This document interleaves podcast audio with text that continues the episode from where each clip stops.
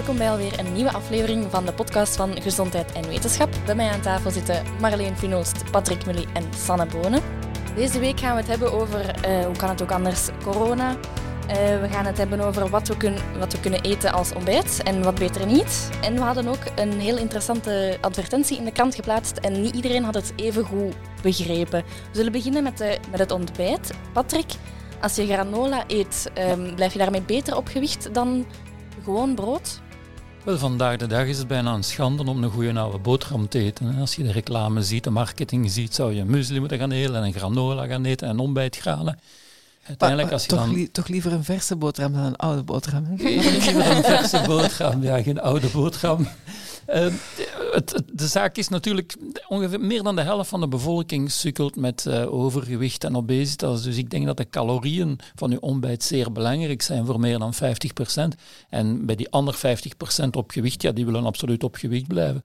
En wat de reclame nooit niet zegt, die zeggen wel granola en muesli, goed voor de gezondheid, noten, rijk aan vitamines. Maar die zeggen nooit dat ze extra rijk zijn aan calorieën, bijna twee keer en meer calorieën dan gewoon brood. En dat is iets dat de mensen dikwijls vergeten. Die eten bijna dikwijls evenveel granola als gewone boterham. En dan ga je natuurlijk scoren, maar op de weegschaal. En wat als je choco op de boterham smeert? Natuurlijk, je moet vergelijken wat vergelijkbaar is. We hebben het over het zuiver voedingsmiddel, granola, muesli en brood. Uh, de bedoeling is natuurlijk dat je een beetje toespijs op de boterham doet. Granola kan je natuurlijk ook gaan eten met uh, volle melk en dan ga je ook de calorieën gaan verhogen. Maar in het algemeen komt de boterham er goed uit. Natuurlijk niet zozeer in de marketing, maar de boterhammen bevatten veel vezels. Daar zitten evenveel vezels in als in muesli en, granola. Uh, je kunt er 100 gram van eten. als je evenveel calorieën in granola neemt, dan is dat maar 50 gram. ik heb liever 100 gram in mijn maag dan 50 gram. En uh, vooral, die, die boterham is ook stukken goedkoper. En hangt er niet vanaf welke boterham dat je eet? Als je nu witbrood of volkorenbrood? Ja, hoe donkerder uw brood, hoe gezonder, hoe meer vezels, hoe meer vitamines. Uh, ja, witbrood, dat is eigenlijk ja, geen brood. volkoren is het beste, denk ik, hè? Volkorenbrood. Ik denk dat het beste is van af te wisselen natuurlijk. Hè. Er zijn meer granen, er zijn tientallen broodsoorten die, die leuk zijn en interessant zijn om, uh, om eens te proeven. Maar uh, het moet niet altijd. Het mag af en toe granola zijn of muesli, zeker bij sporters die echt energie nodig hebben. Die, die kunnen dan overgaan op granola en muesli. Maar de doorsnee mens die aan zijn bureau zit, ja, die kan beter kiezen voor een boterham. En wat mag je dan wel op je boterham smeren? Dus choco is misschien niet ideaal? We gaan niks uitsluiten. Er zijn geen giftige voedingsmiddelen, die zijn niet op de markt. Dat zijn alleen maar giftige hoeveelheden. Ik bedoel daarmee een beetje choco op de boterham en eentje met kaas. Dat is een goed evenwicht. Dat is wat ik aan mijn kinderen geef. Eh, je moet daarmee leren omgaan. Het mag ook eens lekker zijn, maar het is vooral de hoeveelheid dat je moet oppassen. U kan misschien ook een stukje krantenpapier op de boterham. Inderdaad. Lekker veel vezels. Daarover straks meer. Voor we ontbijten moeten we natuurlijk slapen. En in het weekend slapen we al graag eens een beetje langer. Maar is dat eigenlijk goed voor ons, Sanne? Ja, dat is een hele goede vraag. Hè. Is, uh, is uitslapen in het weekend ongezond? En dan zijn we ons eigenlijk eerst eens gaan afvragen van ja, waarom slapen, in het, uh, slapen mensen in het, uh, in het weekend langer? Ja, dat is, dat toch om ergens te compenseren voor een, een slaapschuld die dat ze opbouwen door de week, um, vermoedelijk. En dan zijn we gestoot op een, op een benaming dat ik eigenlijk persoonlijk niet kende, maar de sociale jetlag. Ja. Um, wat dat eigenlijk wil zeggen, dat je, dat je een slaapschuld opbouwt door de week, doordat je eigenlijk um, je interne klok, je biologische klok wil volgen en bijvoorbeeld pas gaat slapen om 11, 12 uur s avonds. Maar door je werk, door school, door sociale verplichtingen gaat die wekker morgens wel om zes uur af en ben je dus eigenlijk niet uitgeslapen. Dat is vroeg, zes uur. ja, onze wekker is pas om half zeven. die van mij om half acht. Ja, die van mij ook half acht. Mij zes uur, ja. Niemand is perfect. Oké, maar uitslapen in het weekend ja. kan eigenlijk wel dan. Ja, inderdaad. Want ja, op zich, um, als je dan naar die sociale jetlag zoekt, van zijn daar studies die zeggen van ja, uitslapen in het weekend is dan nu eigenlijk ongezond en langer slapen in het weekend. Er zijn eigenlijk niet zo heel veel studies, um, maar waar, ja, die uitspraak komt natuurlijk van ergens. Hè. Um, de media pikt dat ergens op. En er was een onderzoek van onze noorderburen die effectief wel een verband vond tussen uh, meer dan twee uur langer slapen in het weekend en een verhoogd risico op metabool syndroom en op uh, diabetes. Maar natuurlijk moet je logisch verstand gebruiken. Hè. Is dat, dat is alleszins geen oorzakelijke verband. Het is niet het uitslapen in het weekend, doordat dat verhoogd risico geeft. En je moet gewoon gaan nadenken van, ja, dat uitslapen in het weekend, is dat niet omdat de mensen bijvoorbeeld gewoon een slaaptekort hebben, toekoor, dan gewoon te weinig slapen. En dat weten we bijvoorbeeld wel uit grote overzichtsstudies, dat te weinig slapen, consequent minder dan zes uur per nacht, dat dat wel degelijk in verband staat met uh, verhoogd risico op overgewicht en uh, diabetes. Ja. ja, het is ook zo denk ik dat mensen die weinig slapen, ik merk het al zelf, als je een te korte nacht hebt, dat je meer uh, zoetigheden gaat eten. Hè? Ja. Heeft het invloed op het eetgedrag, Patrick? Ja. Dat is bekend, zeker ook bij kinderen, dat die neiging hebben om naar het zoet te gaan. Ten eerste om meer te eten en zeker naar het zoet te gaan. Het probleem ook bij uitslapen in het weekend is dat de mensen ook langer opblijven. Mm. En dat kan ook zijn dat je langer op café blijft, en meer alcohol drinkt ja. en zo verder en zo verder. Dus het is toch niet zo eenvoudig om die relatie te, te onderzoeken. Nee, nee, het is inderdaad heel moeilijk. En uiteindelijk zijn er dan toch wel um, Zweden geweest die het toch wel eens wilden nakijken. Dat langer slapen in het weekend, is het nu wel zo ongezond? En zij vonden eigenlijk heel geruststellende resultaten. Dat er uh, absolute mensen die uh, consequent minder dan vijf uur slapen per nacht, daar zijn dan wel gezondheidsrisico's aan verbonden.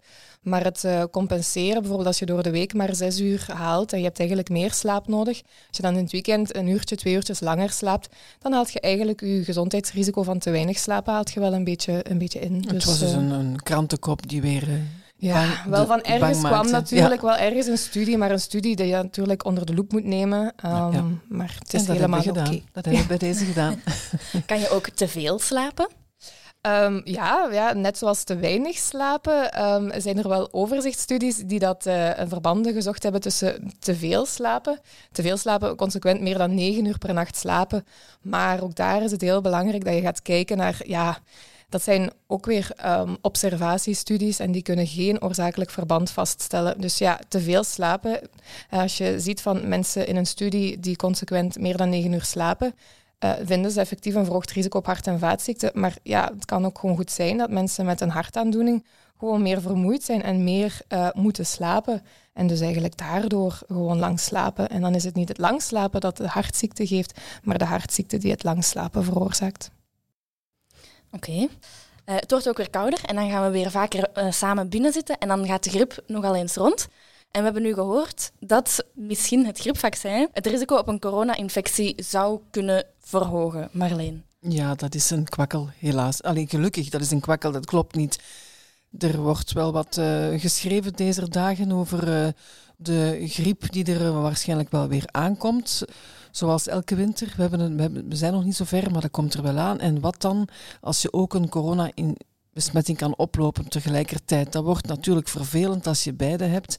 Daarom dat men ook aanraadt om mensen, om risicogroepen en ouderen, omdat ze zich toch zeker zouden laten, laten vaccineren tegen griep uh, deze winter.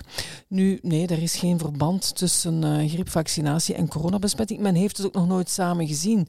Dus het is heel moeilijk om, om te zeggen dat er een verband zou zijn, want we weten het gewoon nog niet. Nu, uh, toen dat corona-infecties de kop opstaken in het najaar in China, in het najaar van uh, vorig jaar. Toen was er daar ook nog tegelijkertijd wat griep. Daar is geen enkel verband vastgesteld tussen beide. Dus nee, laten we alsjeblieft niet uh, ongerust worden daarover. Daar is, het, is, het zal natuurlijk wel vervelend zijn als iemand en griep oploopt en misschien ook een coronabesmetting erbij. Dat zal de klachten wellicht wel wat kunnen verergeren, kan ik me voorstellen. Is het mogelijk dat er ook minder griepen zijn met al die mondmaskers die nu ah, gedragen ja. worden? Zeker, zeker. Dat is ook iets waar, waar we op rekenen en waar sommige onderzoekers ook al voorspellingen maken dat er minder griep zal zijn, omdat mensen meer afstand houden, uh, meer ventileren, uh, mondmaskers dragen. Dus dat kan, dat gaat zeker een, uh, kan zeker een effect hebben daarop. Over corona gesproken. Er zijn coronatesten in omloop. We moeten ons allemaal zoveel mogelijk laten testen als we in aanraking zijn geweest met mensen die het hebben. Maar zijn die testen betrouwbaar? Wel, in het algemeen kan men zeggen, ja, testen moeten eigenlijk twee eigenschappen hebben. Hè. Iemand die negatief is, moet negatief scoren. Dat is nogal duidelijk, want als je corona niet hebt en die test zegt van ja, je hebt het wel, dan kun je daar nutteloos in een quarantaine gaan zitten. En ten tweede, een test moet ook positief scoren als iemand het heeft. Dat is nog veel erger, want als iemand het heeft en de, de test scoort negatief, dan loopt hij vrij rond met virus en kan iedereen gaan besmetten. Dus die testen in het algemeen zijn zeer sterk bij negatieve patiënten. Dus meer dan 95% zit goed. Als je, als je de ziekte, als je het virus niet draagt, zal de test u zeggen, ja, je hebt het niet. Het is iets moeilijker voor die tweede eigenschap van de test. In een aantal gevallen hebben mensen wel zijn drager van het virus, maar gaat de test negatief scoren. Dat kan gebeuren in 10 tot 20 procent van de gevallen, zelfs soms hoger, naar gelang de test. Dat is nog veel. Dat is vrij veel. Dat is natuurlijk wel een probleem, want die mensen zijn drager van een virus en de test zegt van ja, het is goed, ga maar naar huis, er is geen probleem. Dus ja, dat is potentieel zeer vervelend. Maar bon, de meeste artsen weten ook wel dat ze naar de patiënt moeten gaan kijken. Zelfs bij een negatieve test, als die patiënt hoest en, en reukverlies en smaakverlies en hoge koorts heeft, dan kun je als arts toch wel vermoeden, hier is iets dat niet klopt en we gaan opnieuw een test doen. Dus in het algemeen zijn die testen zeker betrouwbaar, zeker als het negatief scoort, als het positief scoort, kunnen natuurlijk wel altijd belangrijk van aan de, de persoon of de patiënt te kijken. Ja, en voor, uh, voor COVID-19 is het ook al heel belangrijk, de timing van je testen. Uh, dat zien ze ook al uit studies, van als je te vroeg test, dan heb je inderdaad meer kans op een vals negatief resultaat. Bij mensen met symptomen um, wordt er ook wel gezien dat op dag drie het meeste kans hebt dat je een positieve, positief testresultaat gaat vinden bij zieke mensen. En vandaar dat, dat maatregel, of ja, de, de, de regels voor testing ook recent zijn aangepast door uh, Cienzano en de overheid. Um, dat je als je in contact bent geweest met iemand met corona, een hoog risicocontact bent, dat je nu op dag vijf na het contact moet laten testen en niet meer onmiddellijk. Omdat we ook wel zien, als we te vroeg testen, uh, dan is sowieso een tweede test nodig, maar dus nu is het op dag vijf na het contact. Ja, een bijkomend probleem is ook de zwak positieven. Hè. Dat zijn mensen die de ziekte doorgemaakt hebben, die eigenlijk niet, zo, niet meer zo besmettelijk zijn, maar toch nog heel licht positief testen, omdat de test zo gevoelig is. Zo, omdat die test is zo sterk om positief te vinden, mm. dat hem soms iets te positief mm -hmm. scoort. En als je positief test, al dan niet zwak, ben je dan per se besmettelijk? Ik denk dat dat dan ook een beetje afhangt van de symptomen die, die, die voorhanden zijn. Als die persoon voor u zich goed voelt en zo verder en zo verder, uh, weet ik niet wat de huisarts dan beslist. Sanne. Ja, in principe als hij positief is, dan gelden gewoon de regels van quarantaine. En uh, dat is tot zeven dagen. De regels zijn verschillend natuurlijk. Hè. Maar je kunt je wel logischerwijs afvragen van ja, iemand die um, asymptomatisch is, dus geen klachten heeft en een positieve test heeft, ja, die is wel minder besmettelijk als iemand die echt ongelooflijk ja. veel uh, slijmen, hoesten en, en dergelijke heeft. Um, ja, dat is wel zo. Ja, en we weten dat een 20% van de besmetten asymptomatisch is, geen klachten heeft. Hè? Ja inderdaad. En ja, dat maakt de mensen enerzijds wel wat bang. Um, en het is wel goed om die er ook uit te halen um, door middel van contacttracing. Uh, maar het is ook wel belangrijk dat je dan weet van ja, dat, er ook niet, dat, het ook niet, dat mensen ook niet te angstig mogen worden. Hè. Um, Absoluut, ja. Om op een iets vrolijkere noot te eindigen misschien. We deden onlangs mee aan de Standaard Solidariteitsprijs. We hebben die ook gewonnen. Uh, en daarvoor stond er een advertentie in de krant. Maar niet iedereen had de advertentie even goed begrepen, Marleen. Ja, straf eigenlijk. Wij allemaal heel blij. Wij, uh, de advertentie was een, voor wie het niet gezien heeft, vermeldde de slogan wist je dat krantenpapier boordevol gezonde vezels zit. En dan was er een hoekje op de pagina dat, kan, dat je kon afscheuren en daar stond proef hier. En, en dan uiteraard ook een tekstje van dit is gezondheid en wetenschap, factchecken het nieuws. Maar uh, we hadden daar niet bij gezet dat je dat natuurlijk niet moest, effectief niet, niet moest gaan proeven. maar er zijn toch wel heel wat mensen op het verkeerde been gezet, blijkbaar. Die dan toch dachten van, nou, is, het dat, is, dat, krantenpapier gezond? Zit dat boordevol gezonde vezels? Dus we hebben daar wel wat verontruste reacties op gehad. Is te zeggen, via kind en gezin kwamen een aantal, uh, ja, klachten is een groot woord, maar toch wel mensen die verontwaardigd waren dat we zouden aanzetten tot het eten van papier, krantenpapier. Dus het zegt toch wel dat mensen eigenlijk ja, toch wel weinig kritisch kijken naar, naar wat er in de krant staat. Net wat wij, wij hen willen zeggen met gezondheid en wetenschap. Wees kritisch, geloof niet alles wat je leest. En dit hadden we nu eigenlijk nooit verwacht. Nee. Dat er... Uh, ja, dat, dat, dat, dat die reactie er zou komen. Nu, ja, wij hebben dat dan ook gefactcheckt. Wij hebben het gefactcheckt. Hè. Krantenvezels. Patrick, je hebt het gefactcheckt. Vertel eens, wat ja, is eruit als voedingsdeskundige krijg ik dergelijke onderwerpen bijna dagelijks. Men noemt dat xylofagie. En uh, het eten van papier in het algemeen. Er zijn gevallen bekend die dagelijks vier of vijf A4 papiertjes opeten. Dat is vrij goedkoop. Het goed nieuws is ook natuurlijk, er zit geen calorieën in papier. Dus als behandeling tegen obesitas kan dat wel tellen. Maar het probleem is natuurlijk, papier bevat cellulose.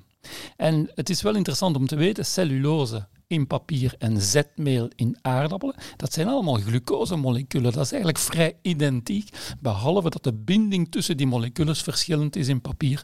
En wij kunnen papier dus cellulose, glucose in papier niet splitsen. En dat eindigt dan zo in de stoelgang. Dus ook goed voor de stoelgang. Ja, maar, maar, de inkt die erop zit kan ook niet echt uh, gezond zijn, denk ik dan. Er zijn inderdaad nadelen.